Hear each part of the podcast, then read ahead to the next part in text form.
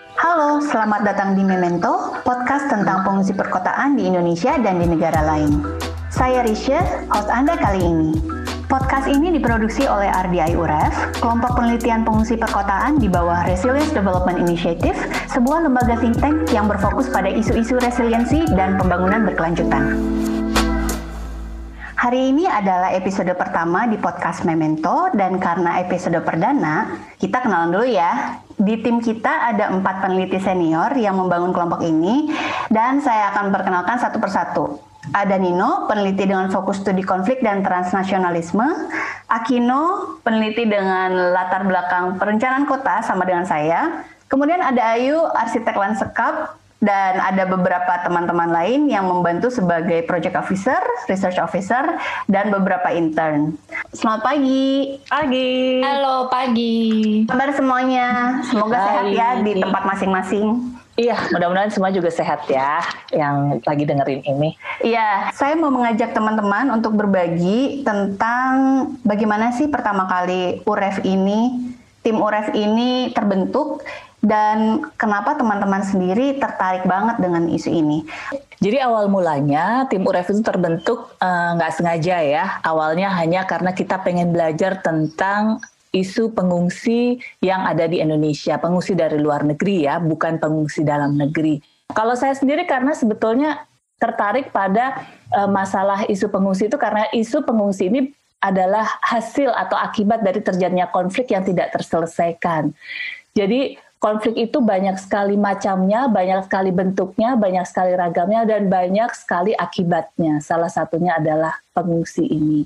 Dan saya mau melihatnya dari gambaran besar itu aja. Itu kalau dari saya pribadi. Saya dan Akino dikenalkan oleh Risha. Kami kedua akhirnya kenalan. Kemudian kita sama-sama tertarik pada isu pengungsi per, uh, pengungsi luar negeri di Indonesia karena Akino pernah punya keterlibatan secara profesional ketika bekerja di sebuah lembaga internasional dan kebetulan waktu itu mengurusi pengungsi yang ada pengungsi Rohingya yang ada di Aceh. Jadi setelah itu kami mulai tertarik tapi sebatas ketertarikannya sebatas untuk belajar. Kami mulai sering ngobrol-ngobrol, kemudian setelah itu kita mulai kepikiran gimana ya kalau mulai mewujudkan sesuatu yang lebih nyata dari uh, belajar bersama ini. Nah, setelah itu ketika kami membangun UREF, kenapa Urban Refugee? Karena kebanyakan pengungsi dari luar negeri yang ada di Indonesia itu tinggal di daerah urban, dan itu juga sesuai dengan uh, disiplin ilmu dari Risha dan Akino yang adalah uh, perencana perkotaan. Jadi pas banget gitu apa yang bisa kita bantu dari situ kemudian kami belajar terus setelah itu mulai kita membentuk kelompok penelitian pengungsi perkotaan. Nah, kalau Ayu gimana Ayu ceritanya? Um, kalau dari saya sendiri, sebenarnya awalnya saya memang tertarik dengan isu kota in inklusif. Uh, saya cukup percaya bahwa setiap warga di kota itu berhak mendapatkan kesempatan yang sama dalam mengakses ruang-ruang publik dan uh, fasilitas umum yang disediakan oleh kota. Nah, kalau uh, saya karena backgroundnya landscape arsitek, landscape arsitektur, memang dalam perspektif landscape arsitektur sendiri uh, banyak membahas tentang hubungan antara uh, lingkungan fisik, uh, aktif aktivitas manusia dan elemen alam ya atau natural environment dalam sebuah sistem keruangan yang dapat menunjang tercapainya inklusivitas itu gitu. Nah, di sini dari unsur manusianya itu sendiri saya penasaran bagaimana uh, subjek yang cukup spesifik ini dalam hal ini refugees uh, bisa diakomodasi dalam uh, ruang kota yang inklusif ini. Sebelum bergabung dengan tim UREF, uh, saya dan Ice pernah melakukan sebuah workshop di Solo dengan teman-teman pemuda tentang penggunaan ruang publiknya dan ting tingkat inklusivitas sebuah ruang publik di Solo juga bagi teman-teman difabel.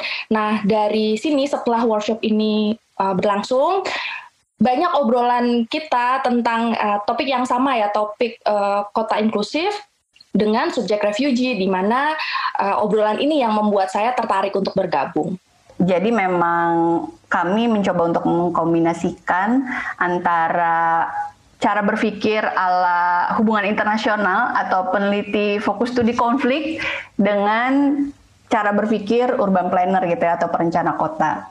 Menurut Ayu sendiri, apa hal yang paling menarik yang Ayu pelajari selama ini mulai dari dulu yang kami melakukan placemaking di Makassar sampai mungkin kemarin-kemarin kan kita ada webinar series yang mengundang banyak pihak juga ya uh, yang selama ini sudah bergerak di bidang pengungsi perkotaan. Gimana Ayu? Hal apa yang paling menarik yuk yang sudah dipelajari selama ini? Nah, kalau dari uh, proses yang saya ikuti ketika tim UREF ini melakukan riset di Makassar tahun 2019, uh, eh, salah satu hal yang paling banyak saya pelajari adalah bahwa ketika kita menggunakan uh, metode placemaking dengan subjek refugee dan pemuda lokal di Makassar, kita perlu menempatkan uh, placemaking ini tidak dalam uh, framework kalau placemaking itu berupa sebuah hasil gitu ya, hasil dalam sebuah uh, bentuk fasilitas fisik yang akan digunakan oleh kedua uh, belah pihak yang kita akomodasi ini. Tapi uh, kita lebih uh, menempatkan placemaking ini sebagai sebuah proses di mana kita dalam uh, dalam riset ini menekankan untuk meningkatkan interaksi antara refugee dan pemuda lokal agar mereka lebih uh, lebih banyak interaksinya dan uh, secara tidak langsung di mana ketika uh, kita bisa meningkatkan kualitas interaksi antara uh, kedua belah pihak ini diharap kami harapkan uh, juga bisa meningkatkan kualitas hidup uh, dari refugee maupun pemuda lokal di Makassar ini atau pemuda lokal yang memang terlibat dalam penelitian ini gitu itu salah satu hal utama yang uh, di mana saya belajar banyak dari proses uh, penelitian tahun lalu.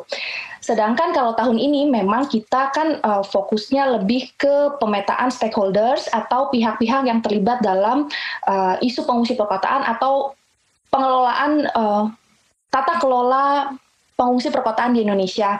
Uh, dari delapan pop-up discussion yang kita uh, lakukan selama empat bulan di tahun ini, saya jadi banyak tahu uh, di mana masih minimnya basis data dan regulasi di Indonesia untuk menangani pengungsi. Kita benar-benar perlu menjalin networking yang uh, cukup banyak kita seperti kayak uh, mengenalkan banyak pihak dan kita sendiri pun saling berkenalan dengan orang-orang uh, ini baik dari uh, peneliti, organisasi, praktisi maupun dari pihak pemerintah sehingga kita memiliki uh, basis data yang lebih baik lagi yang di mana diharapkan basis data ini dan uh, basis pengetahuan ini dapat kita uh, siapkan apabila di kemudian hari pemerintah kita akan memberikan perhatian lebih untuk uh, permasalahan pengelolaan pengungsi di Indonesia. Tadi salah satu yang diangkat oleh Ayu adalah pendekatan placemaking mungkin yang biasanya kita lakukan uh, mungkin saya bisa dikoreksi ya Ayu ya itu adalah placemaking yang mengutamakan bentuk fasilitas fisik gitu di belakangnya. Tapi tadi Ayu menekankan bahwa apa yang kita telah pelajari dari proses placemaking di Makassar tahun lalu, justru placemaking itu yang penting juga itu adalah prosesnya gitu kan. Iya betul sekali. Jadi memang selama ini kita kadang terjebak. Jadi maksudnya uh, placemaking ini kan sangat berkaitan dengan subjek yang kita akomodasi ya. Maksudnya kita membuat uh, tempat dari ruang jadi maksudnya dari space menjadi place itu sangat berkaitan dengan uh, manusia yang diakomodasinya gitu.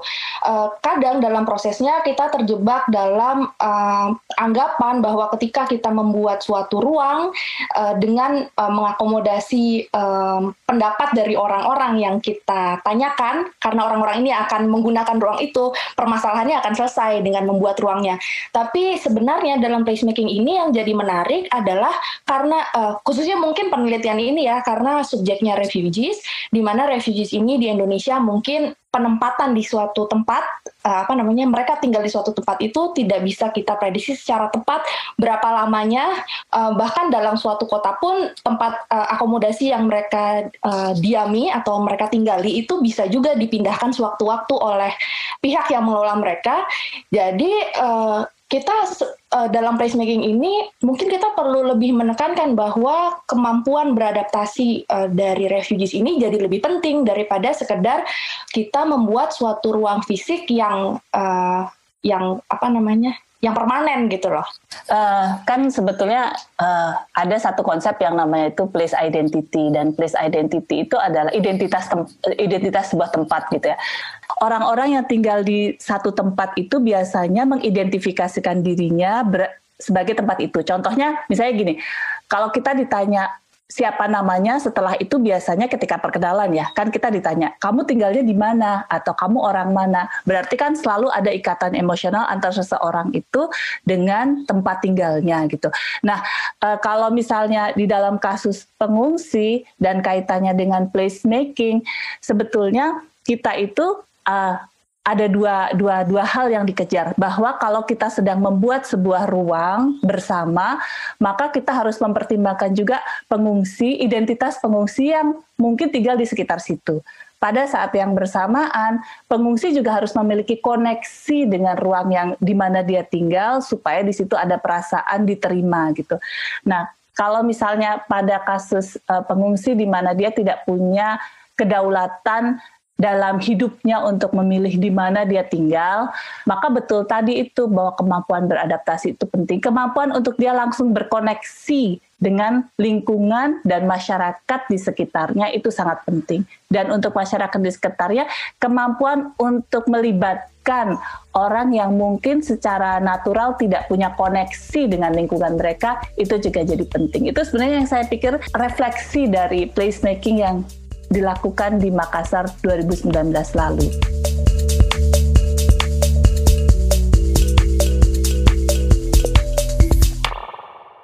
Kalau dari Akino gimana? Kira-kira dari poin-poin yang tadi disampaikan oleh Ayu dan Nino, apakah itu juga satu hal terbesar yang mungkin kita sebagai perencana kota itu uh, dapatkan sesuatu ya, dapatkan insight atau pembelajaran baru dari situ atau ada hal lainnya? Setuju banget sama yang udah dibilang sama Ayu dan Nino ya. Tentu saja itu sangat berguna buat kita para perencana kota untuk melihat bagaimana um, ya seperti kata Ayu tadi ya, menginklusikan atau uh, membuat ruang kota menjadi lebih inklusif gitu, termasuk untuk teman-teman pengungsi.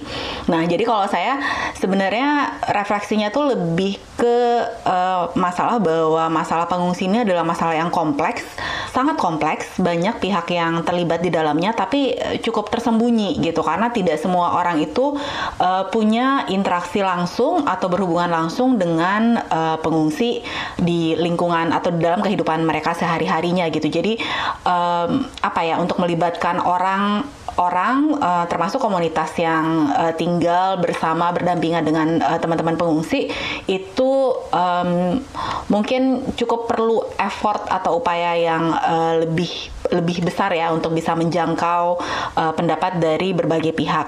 Nah, kalau saya pribadi sebenarnya uh, pelajaran terbesar selama dua tahun terakhir ini adalah bahwa bicara tentang isu pengungsi itu tuh sangat dekat dengan um, bicara tentang isu kemanusiaan. Jadi selama belajar saya selalu terus dibenturkan atau diingatkan kembali pada sistem nilai pribadi yang saya pegang yang saya pegang selama ini gitu ya bahwa kita semua manusia, kita semua sama, kita uh, kita semua punya keinginan, punya mimpi, punya aspirasi dan sebagainya. Tapi kondisi dan situasi yang uh, mungkin dalam banyak hal terutama dalam kasus pengungsi itu adalah sesuatu yang di luar kontrol kita pribadi itu membuat situasi dan kondisi hidup kita berbeda satu sama lain. Jadi uh, satu pertanyaan yang selalu saya pegang dan selalu saya ingat kalau misalnya sedang berpikir atau sedang um, berdiskusi gitu adalah uh, kalau misalnya saya dalam posisi mereka, misalnya saya dalam posisi sebagai seorang pengungsi, apa yang akan saya lakukan, apa yang saya butuhkan dan bagaimana uh, saya ingin bisa mengakses Eh, layanan-layanan uh, uh, yang saya butuhkan, bagaimana saya bisa mengakses ruang-ruang kota yang uh, saya pribadi akan butuhkan gitu. Nah, jadi uh, apa ya kayak semacam melihat dari sisi sebelah gitu, dari sisi yang yang lain um, menempatkan diri dalam uh, situasi mereka meskipun mungkin tidak bisa saya tidak bisa paham sepenuhnya ya uh, tapi setidaknya ada upaya untuk menempatkan diri pada posisi yang uh, seperti itu untuk bisa uh, berpikir atau uh, berdiskusi tentang jadi solusinya seperti apa sih? Apa yang bisa kita semua lakukan untuk ya membantu dalam hal tata kelola pengungsi ini. Dan uh, secara kolektif kita ini ingin menjadi masyarakat yang seperti apa gitu. Masyarakat yang berbasis kemanusiaan atau masyarakat yang berbasis pada uh, ketakutan gitu. Bahwa oh nanti kalau misalnya ada orang asing ada pengungsi ada ini nanti akan jadi uh, begini dampaknya gitu. Mungkin seperti itu ya. Dari dua tahun ini aja udah banyak banget ya hal menarik yang kita pelajari dan tadi udah sempat disinggung-singgung kegiatannya apa aja mulai dari placemaking kemudian hari uh, tahun ini stakeholder mapping sambil kita juga networking dan sebenarnya semua itu sudah terekam juga di dalam media sosial media sosial kita tapi mungkin kalau boleh minta tolong ke Nino kegiatan-kegiatan UREF itu dari tahun 2018 ada apa aja sih Nino? Mm-hmm. Mungkin boleh merekap sedikit dan menceritakan sedikit gambarannya. Oke, okay. memang kita uh, secara pribadi kita semua uh, sudah belajar tentang isu pengungsi di Indonesia atau isu pengungsi secara umum itu sebelum 2018 ya, tapi kita belum terstruktur dan UREF belum terbentuk. UREF baru terbentuk itu sekitar Juli bulan uh, bulan Juli ya tahun 2018 2018 kita melakukan pembelajaran dan pengembangan metode. 2019 kita melakukan placemaking sebagai bentuk riset aksi di Makassar. 2020 kita melakukan diseminasi sekaligus uh, pembelajaran kepada masyarakat mengenai apa itu pengungsi perkotaan di Indonesia dalam bentuk uh, webinar series atau seri uh, kuliah daring ya seminar daring dan juga uh, kita melakukan uh, stakeholder map mapping atau melakukan uh, pembuatan uh, mengidentifikasi mereka-mereka yang terlibat dalam pengelolaan pengungsi di Indonesia. 2021 nanti kita akan uh, kembali karena situasi masih pandemi ya, kembali dengan podcast-podcast seperti ini yang tujuannya tentu saja supaya semua orang yang ingin belajar pengungsi bisa belajar dengan cara yang ringan, mudah dan lebih menyenangkan. Itu. Ya, jadi dari dua tahun ini sudah cukup banyak kegiatan-kegiatannya dan tadi seperti disebutkan oleh Nino, tahun 2000 sampai tahun 2020 2021 kita akan memproduksi podcast series seperti yang hari ini perdana kita lakukan dan oleh karenanya saya akan bertanya kepada Kino nih sebagai project leader untuk podcastnya. Mungkin Kino bisa bercerita tentang podcast ini sebenarnya tujuannya apa, kemudian topik-topiknya apa aja sih? Ya, kalau dari tujuan tadi udah disebut sama Mbak Nino ya, kita pengen membawa diskusi atau pengetahuan kita yang selama ini sudah terkumpul ke dalam mode atau bentuk yang lebih populer gitu. Jadi pengen uh, memicu diskusi-diskusi dengan teman-teman yang mungkin belum pernah atau jarang sekali berhubungan dengan isu pengungsi dan perkotaan ini. Nah, kalau terkait dengan uh, apa aja yang ada di dalam podcastnya itu, karena di RDI UREF ini kan kita bicara tentang pertemuan atau persilangan dua tema ini ya, pengungsi hasil migrasi paksa dan juga uh, manajemen kota. Jadi sebenarnya tujuannya ada dua dan uh, karena itu kita punya dua segmen. Tujuan yang pertama ini terkait dengan kenalan atau networking dengan teman-teman atau organisasi yang baru kenal baik di Indonesia maupun di wilayah Asia Tenggara, di Asia Pasifik bahkan di tingkat global. Sebenarnya ini udah kemarin sedikit rangkum ya dalam pop-up discussion kita, dalam seri webinar kita. Udah ada beberapa teman-teman peneliti dan praktisi dan sebagainya uh, yang kita undang. Tapi sebagian besar memang di Indonesia. Nah, dalam uh, dalam podcast ini kita pengen mengundang uh, mungkin orang-orang uh, dengan kepakaran atau orang-orang yang bekerja di bidang yang serupa tapi uh, mungkin lebih banyak dari luar Indonesia supaya kita bisa belajar dari pengalaman satu sama lain ya. Nah, sesi kenalan ini akan berada di sebuah segmen yang berjudul Tea Time atau waktu ngeteh. Nah, kemudian uh, selain networking, kita juga ingin ngobrol bersama pakar yang lebih dalam lagi, semacam deep dive gitu pendalaman untuk mengeksplor isu atau topik tertentu dan ini berada di dalam sebuah segmen yang berjudul eksplorasi. Nah, uh, contohnya seperti apa? Mungkin teman-teman bisa dengerin eksplorasi eksplorasi pertama kita minggu depan. Oh iya, satu lagi yang saya perlu sebutkan adalah bahwa karena tamunya itu mungkin ada beberapa yang dari luar negeri, jadi ada beberapa episode dalam seri podcast ini yang akan menggunakan uh, bahasa Inggris secara eksklusif. Tapi juga ada episode-episode yang menggunakan bahasa Indonesia karena mungkin sebagian besar atau bahkan semua tamunya itu berasal dari dalam Indonesia. Selain itu, buat teman-teman yang ingin mendengar langsung nih cerita yang sifatnya mungkin lebih pribadi ya dari pengalaman hidup seseorang, uh, di podcast series uh, UREF sendiri ada segmen yang namanya memoir. Memoir ini akan berisi uh, narasi tentang momen-momen spesifik dalam hidup seorang refugee atau pengungsi dan juga komunitas lokal yang pernah berinteraksi langsung dengan refugee. Memoir sendiri akan dipublikasikan atau ditampilkan dalam dua format, teman-teman. Jadi selain uh, audio ya dalam podcast ini, yang juga akan dibuat dalam dua bahasa, dalam bahasa Inggris maupun bahasa Indonesia. Jadi kita harap akan lebih luas lagi jangkauannya, uh, lebih banyak teman-teman yang uh, bisa mendengarkan cerita. Uh, dan cerita memoir ini juga akan dibuat dalam format tertulis yang akan kita uh, publikasikan melalui website dan sosial media. Menunya lengkap sekali ya berarti. Nino, kira-kira harapan dari kita dari tim UREF itu untuk masyarakat yang mendengar atau mengikuti podcast ini apa ya? Pertama pasti kita kepengennya masyarakat itu jadi lebih paham tentang situasi dan tantangan yang dihadapi oleh para pengungsi luar negeri. Uh, khususnya di Indonesia, tapi juga uh, secara uh, lebih besarnya lagi di mana saja ya. Dan juga kalau sudah memahami posisi dan tantangan-tantangan yang mereka hadapi, harapannya pasti uh, ada cara apa, cara pandang yang berbeda gitu loh. Jadi tidak hanya melihat pengungsi itu sebagai katakanlah uh, salah satu sumber ancaman terhadap kedaulatan negara kita, salah satu sumber ancaman terhadap uh, kenyamanan kita di sebuah tempat, salah satu sumber ancaman terhadap uh, keselamatan kita dalam mencari pekerjaan misalnya kayak gitu atau saingan sebagai uh, dalam dalam dalam urusan uh, bersaing mencari pekerjaan gitu ya. Tapi bukan melihat dari situ tapi harapan kita bahwa kalau sudah paham tentang situasi yang dialami pengungsi tentang kenapa mereka harus pergi dari tempat tinggalnya bahwa tidak ada orang yang pengen pindah dari rumahnya untuk ke satu daerah asing. Uh, itu adalah adanya kebijakan yang lebih ramah gitu atau ada sikap yang lebih ramah dari masyarakat terhadap pengungsi yang ada di Indonesia. Dan setelah itu kita bisa bersama-sama mendorong pemerintah, baik pemerintah lokal yang paling dekat dengan kita, maupun pemerintah pusat untuk punya kebijakan-kebijakan yang juga lebih ramah terhadap pengungsi. Karena ini kan dasarnya semuanya kemanusiaan gitu.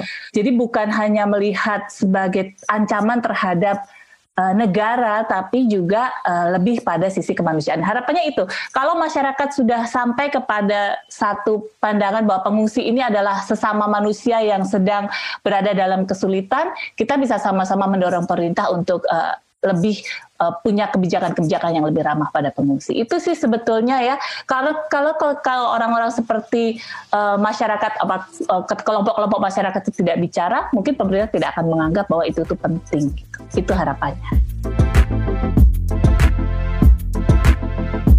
Terima kasih Nino. Mudah-mudahan harapan kita terwujud ya dengan dukungan teman-teman pendengar semua juga. Lalu selain tamu podcast kita yang beragam, mudah-mudahan pendengar kita juga beragam supaya yang bergerak jadi lebih banyak dan kita bisa berkolaborasi.